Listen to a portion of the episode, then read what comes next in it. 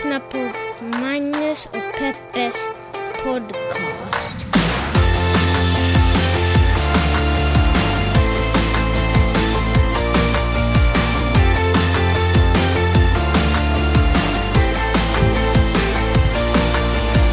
Hallå internet och hjärtligt välkomna till podcasten som heter Magnus och Peppes podcast. En podcast där vi pratar om de stora och de små händelserna i världen. Och vi gör det ur ett journalistiskt, feministiskt och mediegranskande perspektiv. Hej Peppe! Hej Magnus. Hur är läget? Ja, men det är bra. Hur har veckan varit? Det har varit en bra vecka. I, uh, den här helgen har varit en, en ny sorts helg för mig. För jag har sett tre filmer den här helgen. Jag ser aldrig film. Jag ser bara på tv-serier. Okej. Jag ser jättemycket på tv-serier med film. Vad- Hur kommer det sig att du har eh, gått över till den eh, the dark side då? Nej, men det var av misstag. Först kom Marriage Story ut på fredagen. Och den är ju så omskriven så då kände jag att den måste du och jag se. Va, va, va, den här fredagen? Ja. Den har väl funnits länge på Netflix? Nej, den har gått på bio ganska länge, men den hade premiär på fredagen. Ah, Okej, ja men den såg vi. Ja. Ja. Den var ju... eh, Vet du, den var inte så bra som jag trodde den skulle vara. Den har blivit så hyllad i alla recensioner så jag hade otroliga förvänt höga, otroligt höga förväntningar. Men jag tycker faktiskt den var lite väl te- teatralisk. Men vänta, den här ställen där, de har, där den har blivit recenserad, är det typ amerikanska medier du refererar till då? Mm, Både svenska och amerikanska. Okej, för jag upplever att alltid när det är liksom, saker som blir hyllade i USA är ju alltid... Ursäkta. Tack. Saker som blir hyllade, i- eller film och som blir hyllade i USA är ju alltid just stora skådespelare som plötsligt blir väldigt dramatiska och nakna. Jag förstår vad jag Ja, menar, jag vet känslomässigt nakna. menar. Eh, Det blir ju alltid superhyllat. Eh, på samma sätt som när skådespelare också, hyllade skådespelare gör roller med eh, eh, invalidiserade människor eller någon med någon funktionsnedsättning och liknande, då blir man också otroligt hyllad. Mm. Eh, det här känns som ett exakt ett sånt Adam exempel. Driver och Scarlett Johansson. Det är, inte plötsligt, det är inte så att bara Spindelmannen bara, åh, vilken fantastisk eh, karaktär. Nej. Men eh, nej, som sagt. Men det här kändes faktiskt lite så här... Uh, sån här eh, det kändes lite som en Woody Allen-film nästan.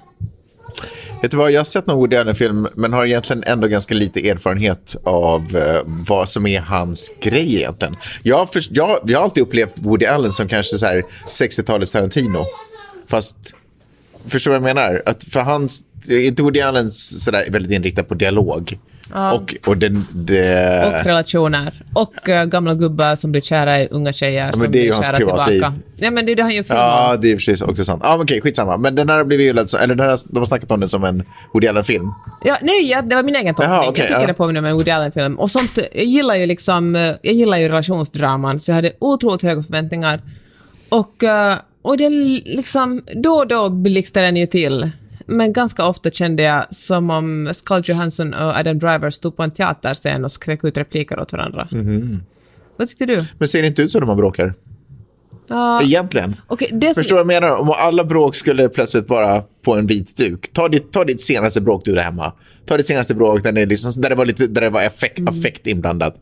Om man skulle bara frysa plötsligt det bråket, ta bort miljön och placera er in, med scenografi bakom. Skulle, är inte allt Mm. Ja, bråk liksom... Det.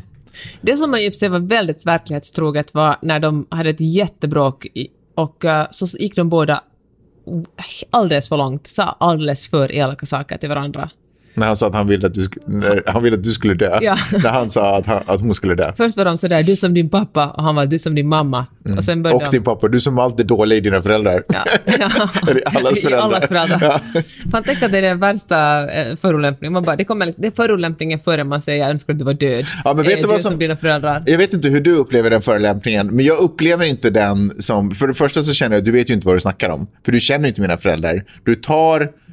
Det, jag tror att för, det är ingen förolämpning. Jag, Fast du får ju säga att jag känner din mamma väldigt bra och att säga att du är som din mamma, det är den finaste komplimangen man kan ge en bara, människa. boohoo. Man bara, "Ah, Jo, jag vet, exakt. Men du känner inte min pappa så bra.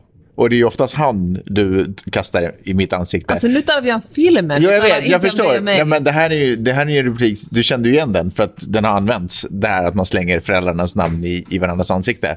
Men eh, då känner jag att jag tycker det är fräckt att du... En, alltså jag blir arg att du tar... Att du eh, liksom tar hans han i din mun. Eller förstår, eller han i din mun. det blev fel. Men förstår alltså att, att du liksom använder honom. Inte för att det finns någon sanningshalt i det du säger. Utan att du liksom försöker använda det som en kanonkula på något sätt. Jag vet inte hur jag ska beskriva det. Ja, Jag förstår vad du menar, men ärligt talat, har man sett en pappa har man sett dem alla. Ja, fast det stämmer inte. Men fortsätt med din eh, analys av filmerna. Ja, kan Är vi klara med, Mar- vad hette den? Vad hette filmen? Uh, ens? marriage story. Marriage Story. Jag Du tycker, det är vet så, en divorce story. ja, jag tycker att det är så roligt att han eh, kom till min attention. Jag kommer inte ihåg vad han heter. Han Adam spel- Driver. Ja, att han kom till min attention för att han spelade the bad guy i en Star Wars-film. Det är så långt ifrån Marriage Story. På vilket sätt är det konstigt att du, det är väl ganska självklart att det var din... Att det var det som fick honom att, ja jag vet, men den här re- filmresan han har gjort. Men blev han inte känd? Han var ju med i Girls. Han var, Om vi säger så här, liksom han är inte typecastad liksom. Nej, verkligen, verkligen inte. Men han blev känd liksom som, eh, som Lena Dunhams pojkvän i... Men hur fick han den här rollen genom att vara rödsminkad ansikte och ha två... Nej, det inte, det var inte den. Utan, eh, men i alla fall, hur fick han den här rollen att gå omkring med kåpa och, och munskydd i Star Wars-film? skådespelare. Jo, jag fattar, men det är ändå... Det är ju inte liksom... Men alltså, vem som helst hade kunnat göra rollen liksom, där man är helt förtäckt och viftar med ett lasersvärd. Men alla kan ju inte göra kanske den här marriage story eller roll. Förstår vad jag menar? Att, varför sätter man en karaktär, uppenbarligen en karaktärsskådespelare i en... Alltså det är så Men konstigt. kanske han ville göra den bara för att casha in. Jag menar, Star Wars ska ju inte ha den sämsta lönen. Det kanske var det som gjorde att han, kunde, att han hade råd att göra marriage... Eh, Mm. Jag kommer fortfarande inte ihåg vad den heter. Nej, det är verkligen två jättesvåra ord. vad heter den? Marriage story. Marriage story. Men det är komplicerat. Mm. jag fattar. Ja, sen följande kväll såg vi The, Men vänta, eh, okej. ja. såg vi The Report. Är vi inne på en punkt i podden nu, i avsnittet? Nej, där du går igenom filmerna, tre filmer du har tittat på? Det kommer till klimaxet snart. Tre, ja, så intressant. Tre filmer. Efter det här går vi över till segmentet Tre drömmar jag drömt. tre filmer Peppa har Sen tittat kan vi på. tala om hur upptagna vi Och är. det stora, och det stora liksom, eh, kroken här var att det vanligtvis inte tittar på film. så Och man lutar sig lite närmare ja, åh, jaså, så har, de här har hon verkligen valt ut. Nej, nej, men The Report som handlar om eh, hur USA torterar människor efter 9-11. Ja, okej, vad kände du om den då? Ja, men kände den var faktiskt lite tråkig, men det var också Samma intressant. skådespelare kan vi också tillägga det. Ja, det verkar som eller du som fått, jag sa, Adam Driver. ja, det verkar ha fått eh, någon hänga på det. Ja, Honom. vi är ihop nu. Ja. Han verkar lång. Och jag talade förresten med några kompisar som är mycket på Tinder. De sa att män ljuger väldigt ofta om sin längd. Och är man själv en kvinna Ljuger de på... sig till sig att de säger att de är kortare än vad de egentligen är för att det ska bli en positiv överraskning? Nej. Men fatta, alltså det är världens dummaste sak att ljuga om. Mm. Det är som att ljuga liksom... Va, va, kommer Fast man kan ju alltid säga när man ses, de bara, men du är inte de bara, nej men jag hade klackar på. Eller har man klackar på när man ses När jag, mätt, när jag mätte mig själv. Ja, ja, ja, det här, ja. I alla fall. Men eh, den, eh, ja, men den var väl okej tycker jag, The Report. Och eh, idag fick jag gå på. Ja, en- men ska- var det, var det allt du ville säga om den? Nej men du såg ju också den. Jag vet, tänkte vi skulle gå snabbt förbi det här segmentet eftersom du insinuerade att det var tråkigt att tala om film. Eh, nej, men då vill jag ändå säga att, eh, så The Report, han, ja, precis, avslöjar, eller whatever, om hur folk behandlades på Guantanamo Bay. waterboarding och liksom Ja, just det. eh, begravde folk levande och liksom... Ja. Ja, just det. Jag känner ju- att jag ville säga någonting om det där, för vet du vad, jag tyckte inte det var så hemskt. Tyckte du inte? Det var så vidrigt. Det var så att jag måste verkligen se bort när det hände. De där Men vet du vad, det är ju vidrigt för att det är liksom, vi, Så det är sant. vi får ju, ja, också det, men för att vi får titta in i en värld som vi är väldigt skyddade ifrån i vanliga fall, känner jag. En värld där vi upplever att åh, det här är oetiskt, det här är omoraliskt och så, men det här är ju en värld där krig är liksom det som pågår. Och jag tror att det är väldigt få krigssituationer vi skulle liksom, som vi tittar, som kommer in i våra vardagshem, våra trygga hem, som vi kan titta på och vara så här, åh, det här känns bekvämt och härligt. Alltså för mig var det en krigshistoria, alltså jag, jag tyckte inte det var så... Jag förstår inte, alltså det är klart man inte ska tortera folk, eh, det är ju vidrigt. Eh, man ska ju behandla med mänskliga rättigheter och sånt ska naturligtvis eh, alltid regera och så. Det är det filmen handlar om. Men jag tycker att det är lite fräckt att jag som på något sätt... Att, att jag ska sitta och agera domare för, över, i en, över en situation och en värld som jag inte har nå som jag inte kan eller förstår ändå, liksom, från början. Gud vad intressant Alltså, antingen så ska, jag vill ju inte att krig ska existera, men om det gör det, jag kan inte tänka mig att någon, så- alltså jag menar, och det är ju inte heller ett argument för att man beter sig illa förstås, att det finns andra människor som också beter sig illa. Men det är bara det att de här situationerna är liksom inte unika här. Det var inte här det började och slutade. i till exempel Guantanamo Bay eller de här bild, liksom så. Det pågår ju överallt, hela tiden, överallt, alltid. Därför att det är en del av krig. Det är väl viktigt att man får veta vad det innebär i krig. Jo, jo, absolut. Precis, men vi är ju så här, vi är typ emot den biten. Men vi borde vara mot krig och allt det där, för det är ju det det hör hemma i. Det här är ju bara liksom en konsekvens av det. Fast vet du, jag tänkte på det där i fredags, varje fredag lägger jag upp um, det bästa jag läst i veckan, en lista med länkar på bloggen. Och så tänkte jag att vissa av de texterna var så vidriga att läsa, typ vad som händer med barn som försöker komma från Guatemala till, liksom, genom Mexiko till gränsen och inte bli insläppta. Nu är det tonårs, nu är det dött där. Så tänkte jag så här att, att det, det herregud varför utsätter jag mig själv om att, om att läsa om det här? Men så tänkte jag att det måste ju ändå vara viktigare att vara medveten om det som händer omkring en, än att bara fokusera på liksom vad man ska shoppa nästa Jo, gång. men precis. Men bara man inte tittar på det. Eller ja, exakt. Men du, man, nu tittar du på det så här, åh, hur kan USA göra något så där fruktansvärt? Men det är ju inte... Nej, för jag tycker eller, det är en del. Det handlar ju väldigt mycket om hur senaten fungerar, till exempel hur FBI fungerar, Mm. hur CIA fungerar. Det är ju liksom... Just den här filmen var ju fiktion, men den baserade sig på riktiga händelser. Mm, Och, eh, så jag tyckte det var en... Och det är det som många amerikanska filmer är väldigt bra på, att de liksom paketerar in fakta i ett underhållande paket. De Mm. liksom gör en historia av det. Och då förstår man liksom, jag inte att jag är expert på senaten och FBI och, FBI nu, men nu förstår jag liksom lite skillnaden mellan byråerna och liksom hur senaten fungerar och hur man kan ta in experter och jag tycker det var, det var liksom en, en ja, men det var ytterligare en bricka i att förstå hur det amerikanska samhället fungerar. Ja, på så sätt. Ja, tycker Ja, jag. okej. Okej, och i morse fick jag se en, jag tror det var en förhandsvisning, eller i alla fall en visning av Sveriges Oscarsbidrag And then we danced, som är en film, en georgisk film. Han som är regissör är ursprungligen från Georgien, men har bott i Sverige i många år, producerar många filmer där. Bland annat Cirkeln och eh, någon barnfilm. Eller Cirkeln kanske också en barnfilm. Ja, hur Jag vet inte. Ja, det var en bra bok i alla fall. Men det kan vi ta emellan raderna. Ja, och eh, ja, men det handlar om dansvärlden i Tbilisi och en ung man... Det handlar om dansvärlden i Tbilisi. Ja, det första, när vi började kolla den tänkte jag så att, åh vad skönt att du Spelas inte är den med upp mig. baklänges? Nej. Men den var så fin. Det handlar om ung kärlek och hur liksom hur eh, Georgien verkligen inte är öppen för hbtqi-vindar och liksom... I? Ja, intersektionalitet. Jaha. Och, HBTQ, HBTQ, E också väl? Kanske blanda HBTQI. med... Ja, okej, HBTQI. Ja. Ja, okej. Hur som helst. Och, eh, och så handlar det om... om nej men hur det Kommer du ihåg en gång i tiden när det bara var HBT? Kommer du ihåg det? Det säger ganska mycket om ens ålder. Det säger verkligen mycket om ens ålder.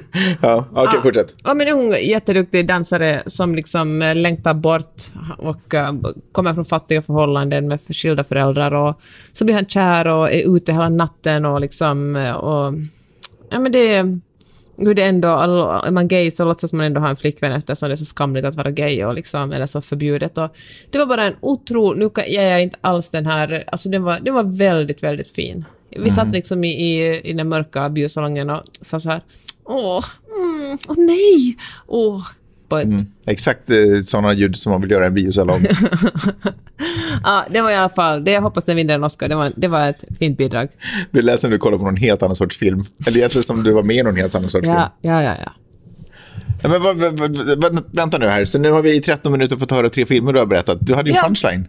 Jag vill bara säga att film lönar sig. Mhm. Alltså jag har liksom känt ett sug tillbaka in i filmvärlden. Här, har du på något sätt upplevt filmens comeback? Ja, filmen Okej. har gjort comeback i mitt Vad är det film har som inte tv-serier har då? Ja, men det finns någonting, alltså tv-seriernas fördel är det att man älskar att lära känna en karaktär Mm. genom liksom 10 eller 12 avsnitt och flera säsonger. Medan filmen, det finns någonting fint med en början och en slut. Det finns någonting fint i det historieberättande. Mm. Att det är en så tydlig en så tydlig början och så får vi veta vad som händer och så är det slut och sen kan man liksom, ja det blir mer closure ofta där. Har filmen förändrats efter det att tv-serier blev eh, liksom långa och, och sjukt välproducerade? Vet du vad jag tänkte på? The Report som, jag talar, som film nummer två Ja. i den här långa harangen. Den bestod ju... Den, så sko, hela casten var ju tv-skådespelare. Alltså det reagerar jag på, för tidigare... Men vänta, var det skådespelare? Vänta, fin... Ja, okej, fortsätt. TV ja, för att under, liksom, jag menar, Sopranos var väl den tv-serie som verkligen öppnade upp för att tv-serier blev liksom högkulturella och liksom folk började kolla. Sen kom ju med HBO, sen kom ju Netflix inte Men långt vänta nu, inte. Dallas? Ja. Nej, inte Dallas älskling. Okej. Men Dallas gick på TV. Och, eh, och, då liksom, och då började småningom liksom filmskådespelare vara sådär att hm, det skulle vara spännande att vara med i en TV-serie och började söka sig åt det hållet. Men igår när vi såg på The Report och såg alla de eh, TV-skådespelarna som varit med i jätteberömda TV-serier, men de var med i en film, då tänkte jag så här Ja, det här kanske inte är världens bästa statistik med, statistik med bara en film, men då tänkte jag att kanske det här är någon slags revival för filmen ändå. Ja. Ja, så tänkte jag. Jag tror att skådespelare är skådespelare och sen söker de jobb som alla andra. Och ibland är jobbet inom tv-serier, ibland är jobbet inom film. Ja. Tror jag. Okej, ska vi dyka ner i podden då? Yes. Du, för jag, jag, jag hade ju en grej som jag, inte, jag så ville veta i intro. Jag, för det är ju nämligen december och det är juletider. Och då undrar jag, har du någon julstämning? För vi befinner oss här i Santa Monica, Kalifornien, där eh, ja, det ser ut som Mallorca, vilket vi får, jag kan lika väl säga att det ser ut som Kalifornien, för det är ju vad det gör. Men, men här finns ju inte jul egentligen utomhus. Hur, hur är din julstämning? Men den är väl inte sämre än vad den brukar vara i Finland och Sverige. Nej. Men på det senaste året har jag faktiskt kommit fram till att julstämningen inte kommer av sig själv, någonting som man måste jobba sig fram. Jaha, okej. Ja. Det är bara att eh, liksom burna på med julmusik och tända ljus som doftar jul och liksom dricka glögg och verkligen, jag menar, ta, liksom, ta sin julkänsla på allvar. Mm. Jul, julstämning kommer liksom inifrån en. Nej, det kommer utifrån. och sen liksom, man måste bara absorbera den. Ta det på allvar, inte liksom gå omkring passivt och vänta att den ska liksom ploppa upp som gubben i lådan. Nej, jag fattar. Jag har ju en sak som har bällandat i mig är att eh, för det, det har sålts in otroligt mycket att julen är barnens högtid. Och då har, det, då har det på något sätt lockat mig att lite avskärma mig från julen. Och så har den bara på något sätt blivit någonting som man skapar runt barnen. Och oftast har det ju bara skapats genom att man tar en flygbiljett till en plats där det finns julfärdigt. Och där är liksom allting uppdukat och så placerar man in barnen i den miljön. Och så jag behöver inte jag bry mig om det. Men nu när vi ändå ska vara hemma den här julen, eh, verkar det ändå som, så, så känner jag mig lite snuvad på min egen jul.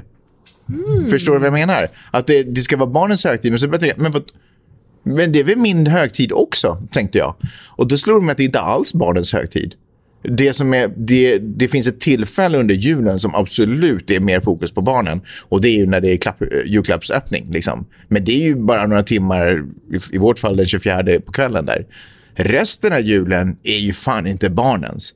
De verkar ju inte bry sig ett dugg om vad det är för musik som spelas i högtalarna eller vilka lampor som är tända eller eh, geometriska formationer som hänger i, eh, i fönstren. Eh, de vill ju, de, det är ju bara snack om vad, vad det ska fås och vilka klappar och så.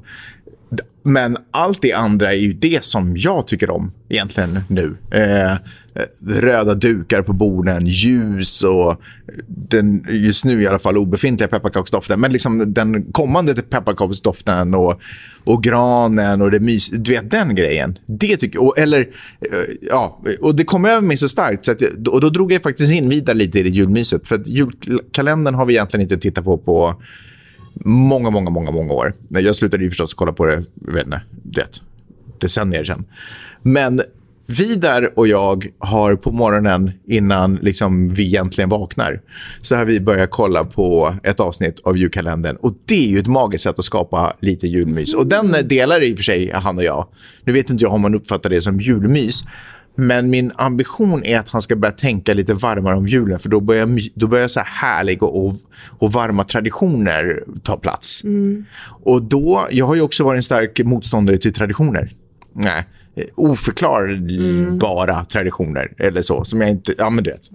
Jag, jag har liksom, jag, jag har rätten att avsäga mig en tradition om jag inte riktigt förstår poängen eller vikten av den. Men, eh, men traditioner skapar ju också en, en mystik kring saker och ting. Eller hur? Ja. Så någonstans så kan jag liksom, jag kan till exempel lite tycka det är synd att den där, att titta på Kalanka på julaftons eh, efter, eller dagen, att den är stekt för att det liksom, Men bry, alltså, Det har vi ju aldrig haft i Finland. Nej, men tecknade serier för det första är inte så stort längre. Det är liksom inte då man fick se, eller det tillfället man väntar på för att få se det. Eh, så den är lite körd. Eh, men, men att göra till exempel så här grej och skapa lite mystik kring det kan ju få honom att nästa gång han vet att det börjar bli december säga så här, oh shit, då, då blir det liksom mys på morgonen. Morgonmys i december. Förstår du vad jag menar? Ja, Så, och, men då, förstår jag också, då tänker jag också att då är det inte så viktigt om den här traditionen har hängt med i tusen år. Men man kan åtminstone skapa en liten tradition. Man kan skapa nya traditioner varje år om man tycker att det är, är kul. Men just det här är magi, precis som du säger, den kommer ju onekligen inifrån. Eh, Det gör den absolut. Eh, men den är absolut för mig, känner jag.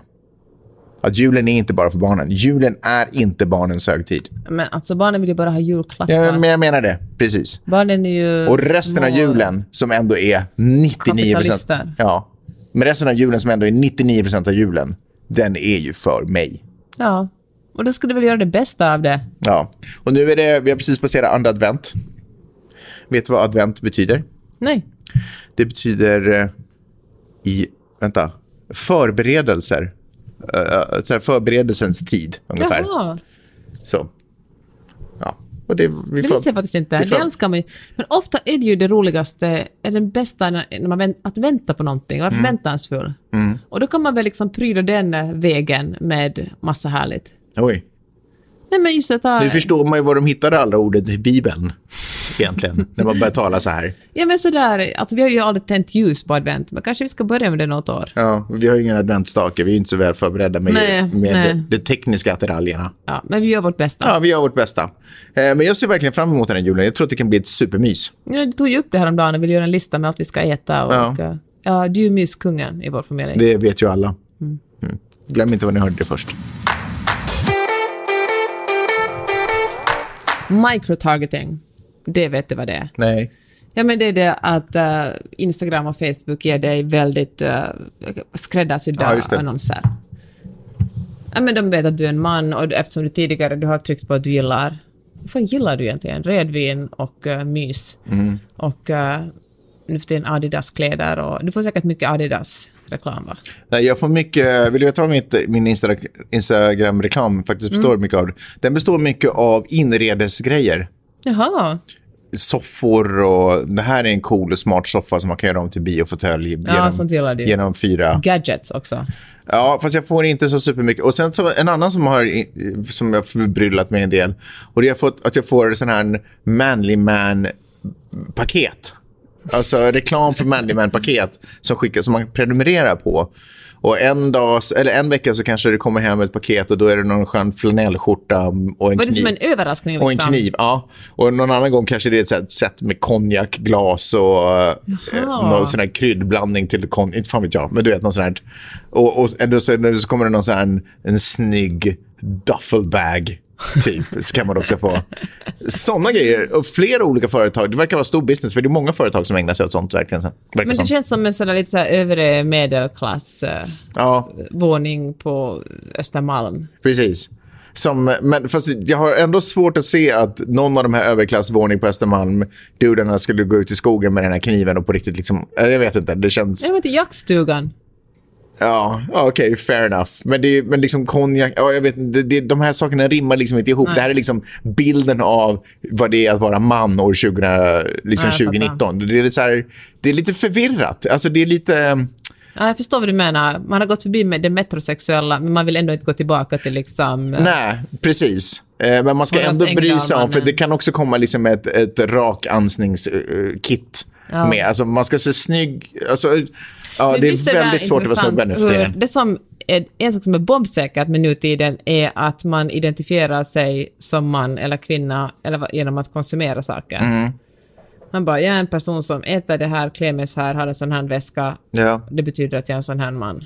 Men alltså vad ska, vad ska jag med, alltså vad ska jag med en riktig rakkniv till? Alltså, vad, alltså jag kommer ju ta livet av mig själv. Är det det som är liksom, är det här något test för att se vilka som går på det? Så något sånt darwinistiskt. Jag kommer ligga död på badrumsgolvet iklädd flanellskjorta och, och någon läderboots och en, eh, och en liksom uppskuren hals. Okej, så microtargeting funkar inte superbra på dig. Inte än. Nej. Men jag tror att jag klickar också lite randomly, för jag tycker om att titta på saker. Ja. Liksom. Det Så, jag tror att, du förvirrar systemet. så jag tror att Insta är så här, what the fuck, vad är det nu liksom? Vad är, det, vad är han Ja. egentligen intresserad av? Jag fattar inte. Du spelar med. Ena dagen håller han på att kolla igenom bindor, massa olika storlekar för att få reda på vad det är som, ja du vet. När den första kvinnan skulle gå upp i, i, i rymden på en vecka hade, no, hade de frågat, de sa liksom på namn. fick det att låta som att hon äntligen fick tillstånd att åka på semester. Ja, men så känns det för kvinnor. Ja. Inte behövt med diskmaskinen på en vecka. Hon bara... Ja, och då hade de varit så här, att, hur många tamponger behöver du med för den här veckan? Tusen?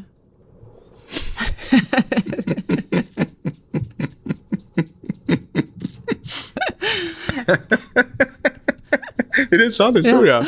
Ja. Det vet ju ingen, men det var roligt. Ja. Var det här på ryska eller? Nej, det var på engelska. Okej. Den första amerikanska kvinnan. Mm. I alla fall, det ska jag inte tala om. Jag ska tala om microtargeting. Tusen tamponger på en vecka. Man, man bara sitter och bara... Man forsar blod. Man ser ett spår i rymden av blod. Ja, men det ser också hur lite... Alltså det känns lite amerikanskt nog att inte riktigt våga tala om mens.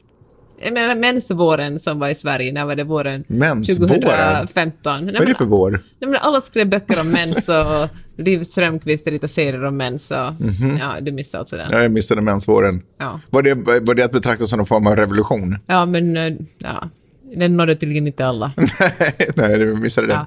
Okej, men for the record så ingen behöver tusen tamponger för en vecka uppe i rymden. Nej, och då, men då ska, jag skrattade ju nog, och det var ju kul att jag fick vara med på det skämtet, för jag fattade ändå den. Men eh, jag, jag, och jag har hört att du har raljerat om det i mellan raderna, om jag inte klippte bort det. Men, eh, men i alla fall, jag var ju en av de som faktiskt inte visste att storleken på tampong inte justeras utifrån storlek på vagina, utan på mängden blod som kommer. Jag hade faktiskt ingen aning om det. Men jag vet vad, jag, jag undrar... roligt när... Men jag undrar om inte sådär flickor, för det, alltså mens och tamponger har inte varit på samtalet i, i vuxen ålder egentligen. Men jag tror att det är liksom unga flickvänner som jag har haft när jag själv varit ung. Då, alltså, eh, som, där, Skönt att du la till det. ja, men så att det inte, så, att- ja, skitsamma. Men eh, jag tror att det har liksom misskommunicerats någonting där. Som, och sen har jag bara aldrig ifrågasatt det. Jag, jag gick länge och trodde också, ska jag också tillägga, jag gick länge och trodde att inte, om, om man vill bli brun av solning, liksom, när man ligger på stranden, eller rättare sagt vid poolområdet, så ska man inte gå bara i klorvatten, för att då bleker det. Liksom, det trodde jag också otroligt länge. Och det var också någonting min mamma sa för att hon inte ville att jag skulle direkt efter maten springa ner i poolen hela tiden. Så hon... Ja, men du vet. Skit man aldrig ifrågasätter om det inte är på tapeten. Ja, kompis Anita berättade att hon haft en pojkvän som, som ville ge henne en komplimang så när han köpte tamponger han alltid köpte extra, extra small. Hon bara, vad fan, liksom, ska ta in tre samtidigt för att det blir om den här på två timmar? Ja, då, I det fallet kanske tusen hade varit bra då. Ja, tusen extra, extra, Ja, extra ja, small. Som exakt. tändstickor liksom. Ja, men varför pratar vi om Ja, det här? ja, nu är det Ja, micromanaging, eller vad var det? Mikro... Ma- marketing. Microtargeting. Ja, okej. Gre- Att shoppa grejer kan man ju tycka att det är praktiskt, eller så kan man tycka att det är jobbigt att, att Google och Facebook vet så jättemycket om ens privatliv. Men när det handlar om att det blir valår 2020 och eh, Facebook sa ju att de kommer att de publicerar allt skit man bara, all, allt part- partierna vill publicera, publicerar de vare sig det är sanning eller lögn. Och Twitter gjorde motsatsen, va? Ja, Twitter gör faktiskt motsatsen och kommer inte ha några politiska annonser överhuvudtaget. Men med microtargeting kan man jätte, jättenoggrant få veta vem en person är och hur den personen röstar och hur dens kompisar röstar. Så då kan man bara, och liksom eftersom våra telefoner är, ha koll på exakt var vi rör oss, så då kan också till exempel en, en kandidat vara så att okej, den här personen röstar vanligtvis på Demokraterna och är liksom uh, lutar lite åt uh, åt vänster och eh, Bernie Sanders, det lönar sig för dig att, uh, att åka till den här platsen nu och hålla en kampanj eftersom det kommer att vara mycket folk som kommer att rösta på dig. Eller kanske sådana som kanske funderar på att rösta på dig, inte sådana som är säkra. Mm. Och eh, det kan man ju tycka att är jättebra. Men det som kan bli jobbigt är till exempel om, eh, om du är en... eh, Eller så kan du säga att du, en, du hejar på Joe Biden och vill rösta på honom. Och då, för att många av partierna sysslar ju också med hatkampanjer mot, mot andra, andra, andra personer som, som ställer upp i valen. Det är stort i, i USA med hatkampanjer faktiskt. Ja, och då Det kan de vara så här, då måste de hålla borta då måste de hålla borta hatkampanjer från Joe Biden från dig eftersom redan har bestämt dig För annars Ja. kommer du kanske att bli ännu, ett ännu starkare Joe Biden-fan. Kan, vadå, kan, ja, kan man påverka vad andra, vilken reklam andra får se? Du kan påverka vem... Ja, så här kan du påverka. Du kan till exempel, varje gång folk går med till exempel i ett sånt här test eh, på Facebook, vilken färg är jag? Är grön, gul, röd eller blå?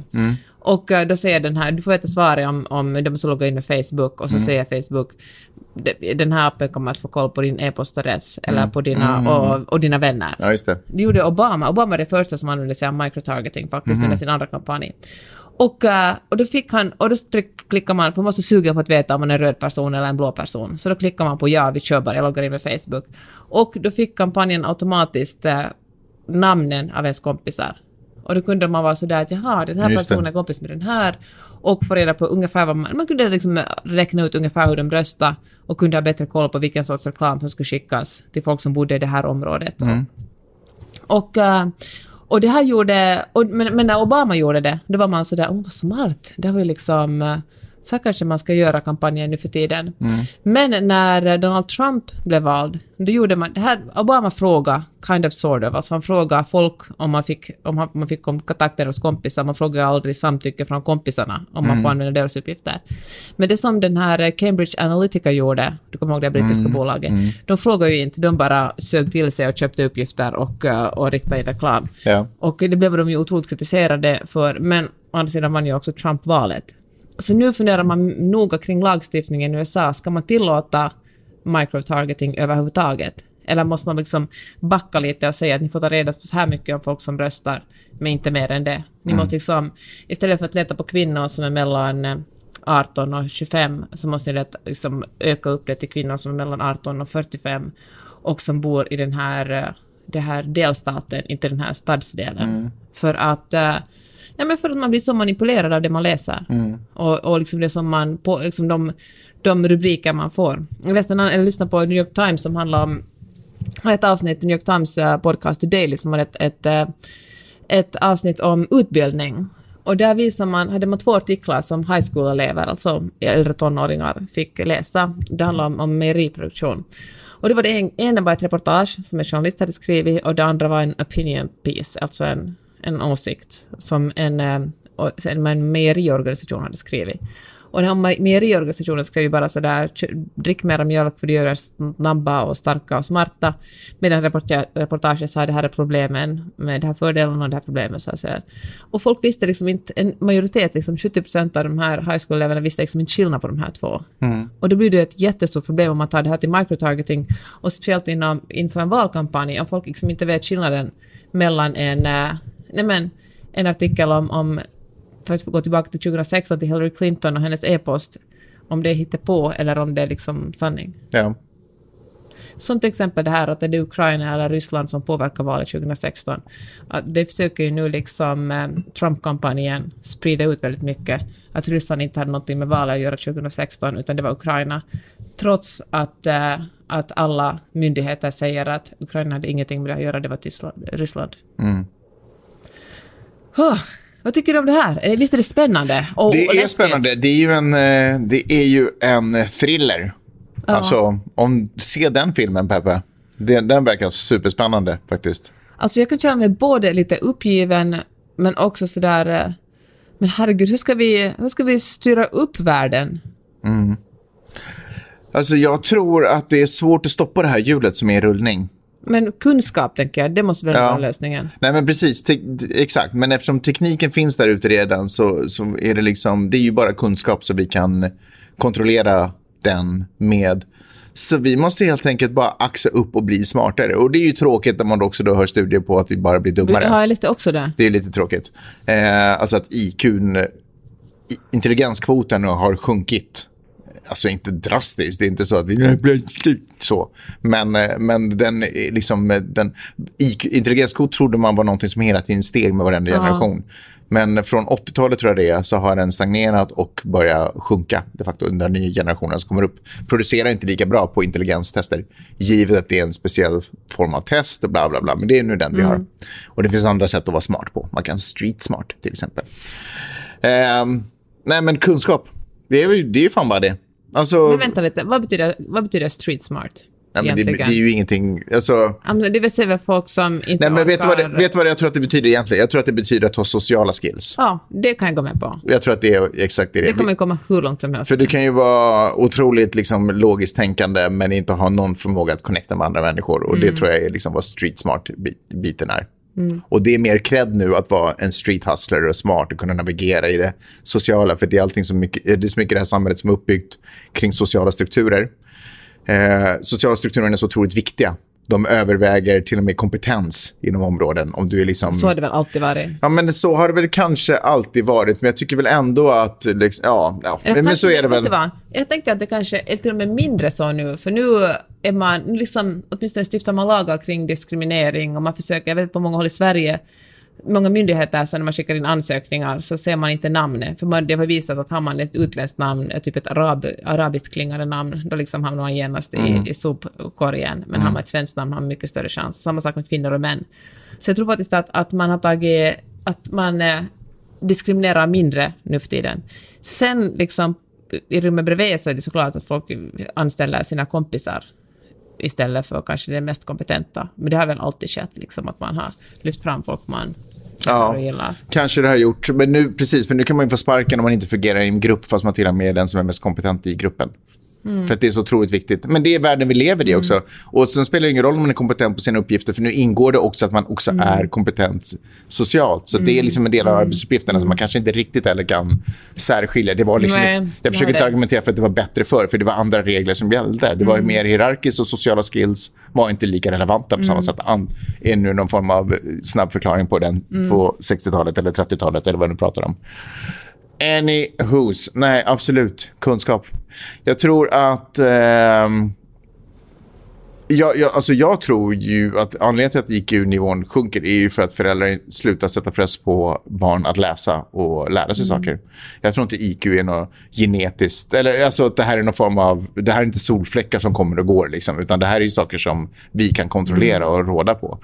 Och jag tror att skolan har tappat lite greppet över Fast jag tror att det, att det finns två sidor. Jag tror att många skolor är bättre, är riktigt jäkla bra, och många skolor är mycket dåligare. Att det finns större skillnader och större klasskillnader, liksom, Mm. större klasskillnader helt enkelt.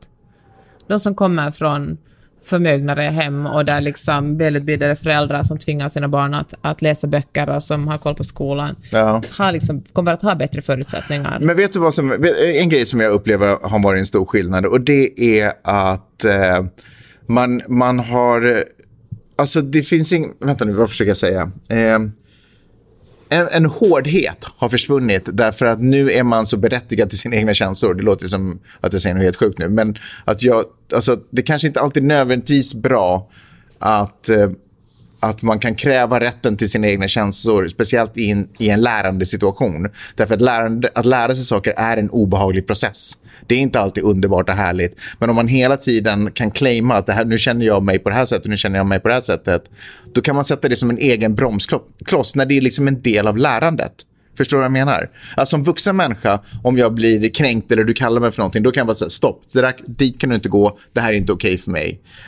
Men då är jag på en annan plats i livet med, med liksom, i en annan situation med andra förutsättningar. Fast, eh, nej men, men alltså, jag tror att jag förstår vad du menar, men kanske du inte uttrycker dig exakt. Alltså jag tänker att man måste ju ha rätt till sina egna känslor. Man måste lära sig att säga stopp, det här är kränkande, stopp, det är ju Men nu pratar inte jag om i kunna- situationer där folk de facto kränker. Utan det handlar om när jag bestämmer mig för, eftersom kränkning är ju in the eyes of the beholder, så har ju jag rätt att säga, men jag kan ju också ha fel. Du har faktiskt inte blivit kränkt. Du håller på att lära dig någonting. Ja, men ge ett exempel på en sån Nej, situation. jag vet inte en sån situation. Ja. Men, men jag tror att min generella tanke är att eh, eh, greppet om... Alltså, kan, att saker har blivit så mjukt i samhället och folk är så nervösa för att stöta sig med andra och det är inte riktigt bra förutsättningar att lära sig saker och ting då, tänker jag.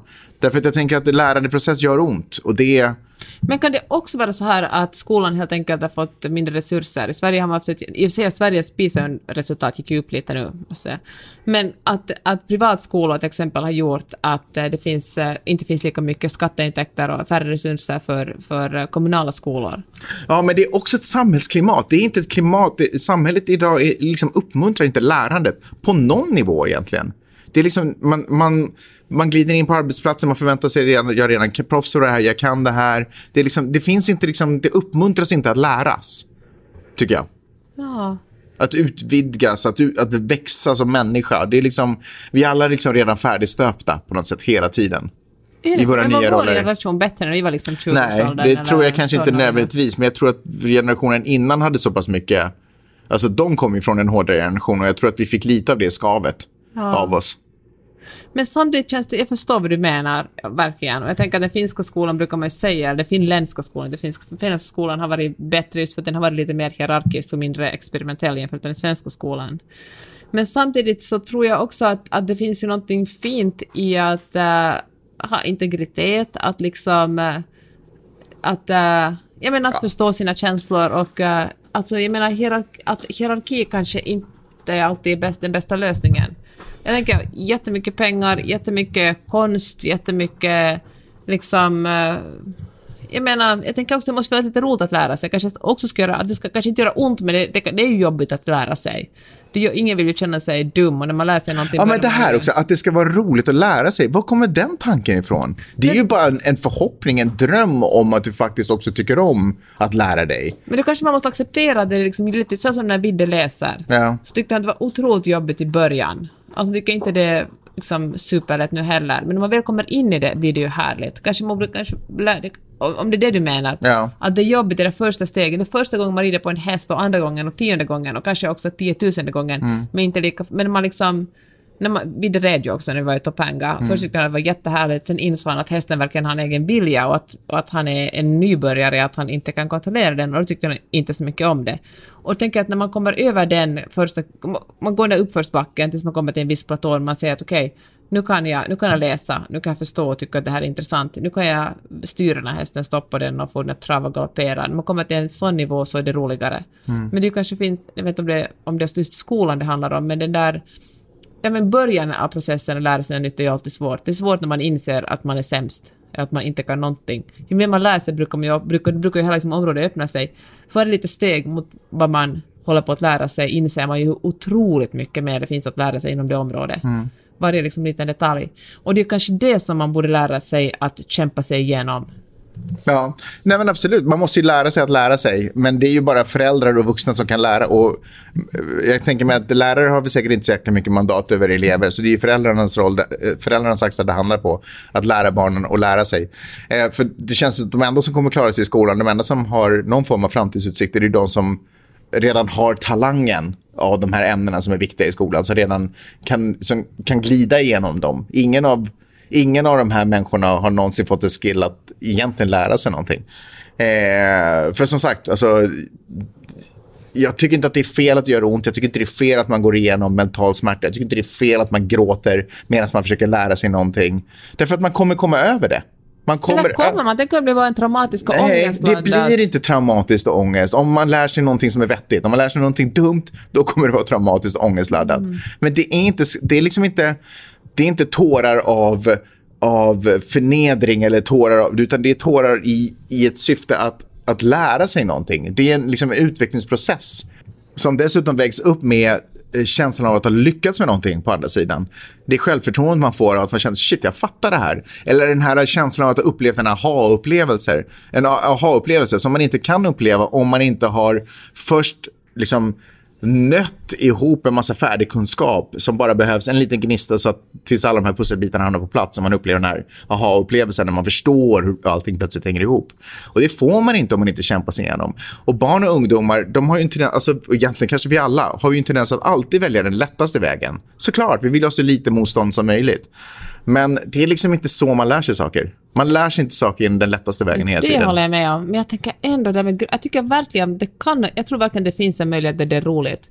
Jag tror liksom inte att äh, Men det, lösningen det är... gör det säkert, men det är fortfarande inte det viktigaste. Nej, det kan jag hålla med om. Förstår du vad jag menar? Vi kan liksom inte offra utbildningen eller kunskapen för att det inte var roligt. Nej, men jag tror att man kanske lär sig bättre. Jag tänker att, att det är ju säkert det som pedagoger håller på med hela tiden. Ja, men vi kan ju inte heller sätta det kravet på att deras humor eller deras sätt att undervisa ska passa alla Nej, elever. Jag, nej, det menar jag inte att det ska vara någon slags stand-up show alltså. Det som jag menar är att göra det liksom intressant. Alltså en, en bra lärare lockar ju liksom elever till att tycka att det är intressant. Så, jag kommer ihåg mina, de bästa lärare jag har haft varit har man märkt att de älskar sitt ämne så mycket och tycker det är så intressant så deras entusiasm suger med en. Ja, fast att, att, att gråta i en lärandeprocess är ju också ett sätt det ju, kommer ju också av passion och av att man, på riktigt, det är ju ett kvitto egentligen på att man faktiskt bryr sig om vad man pysslar med.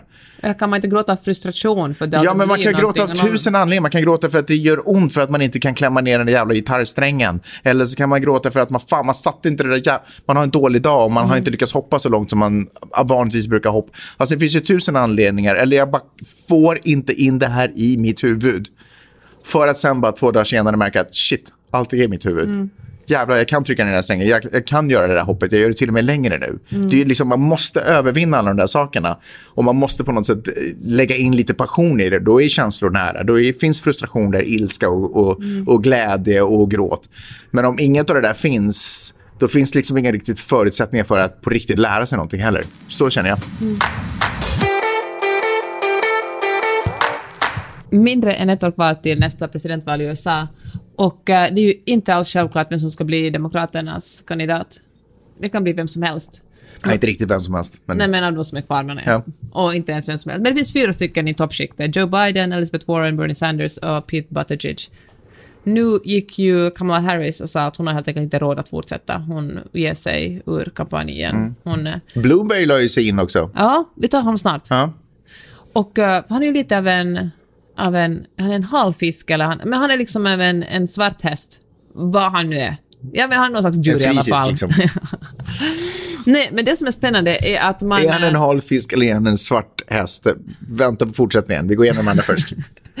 Men man hade ju tänkt sig att, att eh, Joe Biden skulle dra ifrån ganska fort. Mm. Men det har inte gått så bra för honom i, i debatterna till exempel. Han har liksom aldrig fått det där försprånget man trodde han skulle få. Han har sagt lite konstiga saker. Häromdagen bet han sin frus finger på ett uh, kampanjmöte. Alla tyckte det var jätte, det är ju lite konstigt ändå. Det fanns säkert en anledning. Det, fanns, det finns alltid en anledning. Vissa saker ser, det, liksom, kän, det känns bättre på plats än vad det såg ut på bild Ja. efter. Men han verkar komma liksom lite från en annan... Alltså han verkar lite gammal tydligen på sina kampanjmöten. När han diskuterar... eh, Han diskuterar... Men han diskuterar rasism eller våld mot kvinnor så blir det alltid lite fel. Det är alltid information som man fått via någon transistorradio. ja, men exakt det som han själv har liksom byggt. Ja. Och eh, så han, har liksom aldrig riktigt, han har aldrig fått fart. Elizabeth Warren går det helt okej för, men tydligen hon hatar både kvinnor och män. Alltså USA är inte redo tydligen för en kvinnlig president. Eller för Elizabeth Warren. Ja, eller för... Ja, eller, vilken, eller en kvinnlig president. Det är liksom... Ja. Och eh, Bernie Sanders, han har tydligen gått upp lite i, i procenten, men han, ja, han skriker väl för mycket. I alla fall, den så det går... Mm. Vadå, han skriker väl för mycket? Nej, men det sägs att han skriker. Men vem är det som leder då? den som, men de leder olika. Alltså Joe Biden leder nationellt. Mm. Men det är ju inte nationellt som valet avgörs. Det är ju inte den som får mest röster som vinner i USA. Nej. Utan det är ju på liksom delstatsnivå. Och eh, det som, den som det går riktigt bra för nu är Pete Buttigieg. Alltså han som är borgmästare i en liten... Var är han borgmästare? Det borde jag kolla vet upp. inte. I USA. liten ort i alla fall. Ja. Och han är öppet homosexuell, vilket är helt nytt för USA, att man ens kan ställa Men tror du att den informationen har spritt sig till alla som Nej, har, jag röstat på honom? nej, jag tror faktiskt inte det. Nej. Och han är väldigt ung, han är inte ens 40 ännu. Men grejen den... Är han inte ens 40? Nej. Oh shit. Det, han har inte en suck. Han, för honom går det jättebra i Iowa och New Hampshire. Mm. Och ingen skulle bry sig om de här staterna vanligtvis. Förut, eller delstaterna alltså. Ing, förutom att det är de som först uh, offentliggör sina resultat. Mm. Och där leder han alltså jättemycket. Och det är de, eftersom de först delger sina resultat så kommer det att betyda att den person som leder vinner i dem kommer att få jättemycket publicitet. Mm. Och vanligtvis kommer det att vara en enorm fördel. Så nu går alla och är lite nervösa över att han plötsligt ska komma in som den riktiga Varför är du nervös för det? Han verkar vara en vettig dude Ja, men han verkar vara vettig. Alltså, jag är inte nervös för det egentligen. Det skulle ju vara en kvinna eller en homosexuell man. Alltså, det finns ju fler argument för att vara en, bli en bra president. Eller? Men, men jämfört med alternativ, jag tror de tycker de båda verkar ganska vettiga. Men det, är ju, det skulle ju verkligen vara spännande. Kanske det är han som egentligen är svarta hästen då och inte Michael, eller Mike Bloomberg, Som du kallar honom. som jag kallar honom. Okej, men ska vi gå... Berätta, vad är din eh, analys om att eh, Bloomberg har gett sig in i valet? Han är... På Republikanernas sida. nej, han är demokrat. Är han demokrat också? Ja. Åh gud, varför fick jag för mig att han var... Okej, förlåt. Ja. Han är före detta borgmästare i New York, det visste du ju. En ganska populär borgmästare. Han Mm, tog över genast efter 9-11 och eh, det sägs att han styrde upp saker mycket väl där. Han är ju också en biljonär. Alltså han har så mycket pengar att han redan nu... Han har liksom Miljardär är det svenska ordet. Ja, herregud så fult Mm. att säga. Vad sa jag? Biljonär. Det är som något från Kalle Anka. ja, faktiskt. Anke Borgs-posten. Ja. Anke Jag tror von Anka var typ biljonär. Ja, okej, han är miljardär. Och han, eh, alltså jag tycker det är han, han är verkligen lite hal. Därför menar jag, det är svårt för liksom att, att han verkar väl vettig. Han ger jättemycket pengar till välgörenhet. Men man tänker att när någon har så där mycket pengar måste det finnas något snuskigt. Liksom. Han måste gjort, det är någonting som är snuskigt där känner jag. Men jag, honom. vänta, aha, i hans historia? Ja, eller liksom, ja, man blir inte så här rik om man är bara en, en bra typ.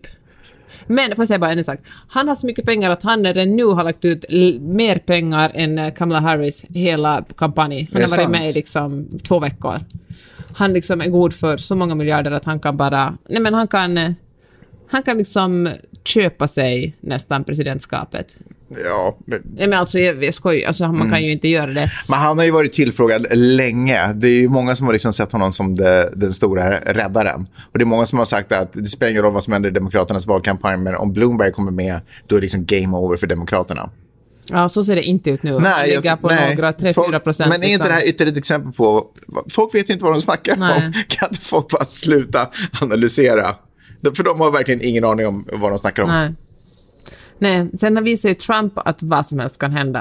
alltså Mm, dessutom. ingenting är säkert. Så det kan ju vara att Bloomberg bara liksom merger in och, och slår ner alla andra kandidater. Men... Mm. Va, eh, vad vet du, har, du, har du snappat upp någonting om Bloombergs, eh, vad han, eh, alltså hans val, vad han tycker så att säga? Nej, faktiskt inte. Och jag har faktiskt försökt göra det, men det, det, har, du, kan, har du gjort det? Nej, alltså jag är bara inne på mikebloomberg.com. så, jag inte, så jag vet ju inte mer än någon, någon annan som kan vara inne eh, där. Eh, nej, alltså, vad ska jag säga, vad ser jag här? Man kan köpa hans t-shirt, I like Mike. Um, we cannot, uh, han, är- alltså, bara mot Trump verkar det vara här.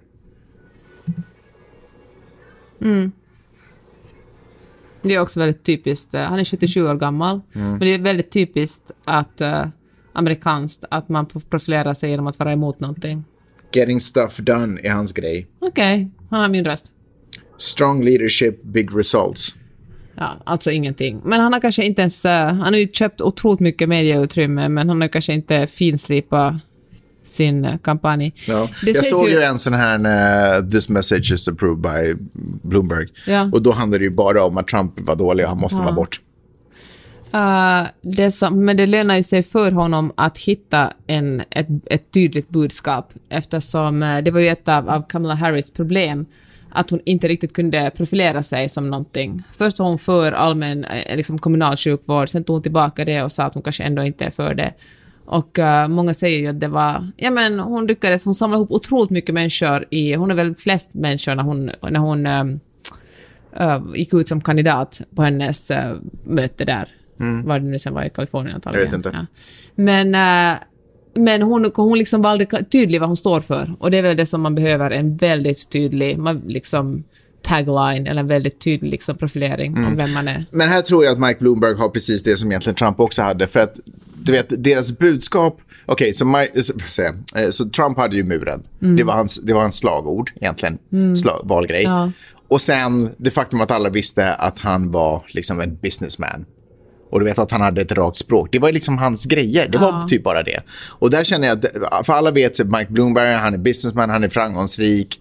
Eh, han har haft ett, du vet, han har rykte. Och det är liksom, jag tror att i det här landet så, det, det är så mycket image det handlar om. Så det räcker ganska mycket. Ja. Och jag tr- tror att det är också, det är ju fördel också för, eh, vad heter den här gamla mannen som vi snackade om nyss? Joe Biden. Ja, han är också redan en profil. Förstår du vad jag menar? Och nu är ju i och för sig hon då, Elizabeth Warren. ja, också profil för att hon har synts i många valkampanjer. Tillsammans med Bernie Sanders. Ja, hon har, hon har synts i många valkampanjer. Men hon var ju ingen innan. Förstår du vad jag menar? Att hon har, vem är hon egentligen? Du vet, förstår du vad jag menar? Mm. Ja. Att hon, jag tror att de här människorna har så pass mycket, det är så mycket förarbete gjort redan. Det är så viktigt med image i det här Mm. landet.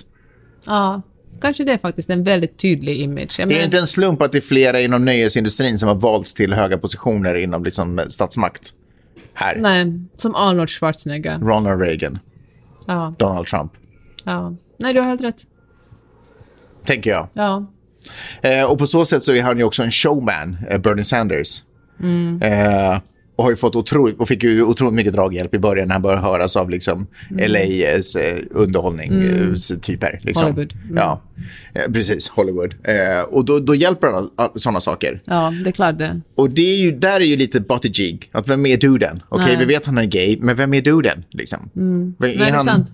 vem är han i, the, i DC Comics? Vilken superhjälte är han? Är han Iron Man? Är han Hulken? Vem är han? Men vet du, han kommer, han, det som han gör är han bygger ju nu, han gör ju grunden för att bli president om åtta år eller om fasiken 16 Mm. Ja, ja, år. ja, just det. Det här är hans första OS. ja, men liksom. precis. Om man tänker, okej, amerikansk politik om 120 år liksom. Mm, ja, exakt. Man skulle tydligen vara otroligt gammal man går med. Nej, gay pop. Att vara gay pop. Ja, men spännande. Så du, bara som en liten parentes, såg du Nancy Pelosis utbrott när en journalist eh, frågade henne om hon hatade Trump? Såg du Nej, inte det såg jag faktiskt nej, inte. Gud, är du ens på sociala medier? Hur har du kunnat missa den här Jag skrällen? såg det, men jag ville höra dig berätta det. Nej, nej, men det, jag har ingenting att berätta annat än att jag tycker att det är kul att se när folk uttrycker passion. När folk blir tagna på sängen och visar riktig passion, då tycker jag man ser lite vilka de är. Och det kändes inte inövat. Förstår du vad jag menar? Nej, men det hon, var en- blev- hon blev liksom kränkt över, eller jag förstår den kränktheten, över att man ifrågasatte hennes eh, profession, hennes yrkesroll Mm. som politiker. För det man ville göra var ju dra ner henne till att det handlar om som Att handlar om ett krig. älska, ja. Mm. men precis. Det handlar liksom om, eller som ett fotbollslag. När hon säger att hon, men där hon verkligen ser sin roll som politiker som någonting som hon är för landets bästa, Mm. inte för att vinna ett spel. Ja, på så sätt måste man säga att hon är ju jävligt slipad. Ja. Det, var, det här är ju inte hennes första år i politiken, i och Nej. för sig. Eh, men, eh, det var, ja, men det var kul att se, men jävligt slipad. Och bara det att kunna sen också berätta och prata så här, hon var så där... Eh, och liksom, never mind vad han tycker om murar, never mind vad han tycker om alltihopa. Det kan vi ta i valet. Det är en helt annan sak. Här snackar vi om vad han har liksom gjort, eh, vad han har svurit sig till att göra och vad han inte har levt upp till och vad han har brutit. Liksom. Och det är olagligt. Och det, det är en helt annan diskussion. Och det handlar inte om att någon skulle ha... Alltså jag tyckte det var, det var coolt. Det, var, det, var, det är befriande när folk... Du vet, passion, återigen. Liksom. Det är befriande när det finns känslor och passion och, eh, och så. Fast det var också, alltså det, visst det, är ju passion, men det var liksom en smart passion. Det var liksom inte, Kan man säga att hon är en smart person? ja, ja. ska vi säga det? Ja. Tack så hemskt mycket för... Jag tar det igen. Tack så hemskt mycket för att ni lyssnade den här veckan. Äh, vi är tillbaka en dag. Så fort som möjligt om, om Du vågar inte säga välja. om en vecka. Nej, för det, nej, men jag gör mitt bästa. Ja. Ja, ni ska veta att Peppe tjatar. Eh, Peppe tjatar jätteofta och jättemycket. Och det är ju kul Alltså om den här podden. om den här podden. Nej, men att det ska bli gjort. Det är mig det, det, är mig det faller på. Hörni, jag är i alla fall otroligt glad att ni har varit med oss i eh, 56 minuter nu. Och jag är glad att du var med mig, Magnus. Ja. Och är det så att vi mot förmodan inte hörs innan jul så vill jag att ni ska ha en otroligt härlig jul. Det är klart vi hörs innan Ja, det är jul. klart vi gör, men jag bara säger det nu ändå. Jag En att, härlig advent kan du väl säga? Vi snackar ju om det, hur man bygger upp inför ja, julen. och försök hitta ljusstämningen, för den är faktiskt ganska nice. Alltså, och den kommer inte utifrån, den kommer verkligen... Alltså, du. Fast jag sa ju att den kommer utifrån. Ja, men du har fel. Eh, den kommer verkligen inifrån. Okej. Man måste liksom pressa ut den, men låta den studsa mot julmusik i, högtalarna och låta den studsa mot lampor som man har. Men, men viben kommer absolut... Man kan liksom lura sig själv till att det blir julstämning. Det skriver jag under. Förstår du vad jag menar? Man pressar ut Man det. fram den. Ja, och så låter man den träffa en tillbaka och man bara wow, jag blev träffad av en julgrej. Men den kom från ditt eget, äh, från dig själv. Japp. Bra. Hörni, eh, vi hörs snart igen. Det gör vi. Hej. Hej!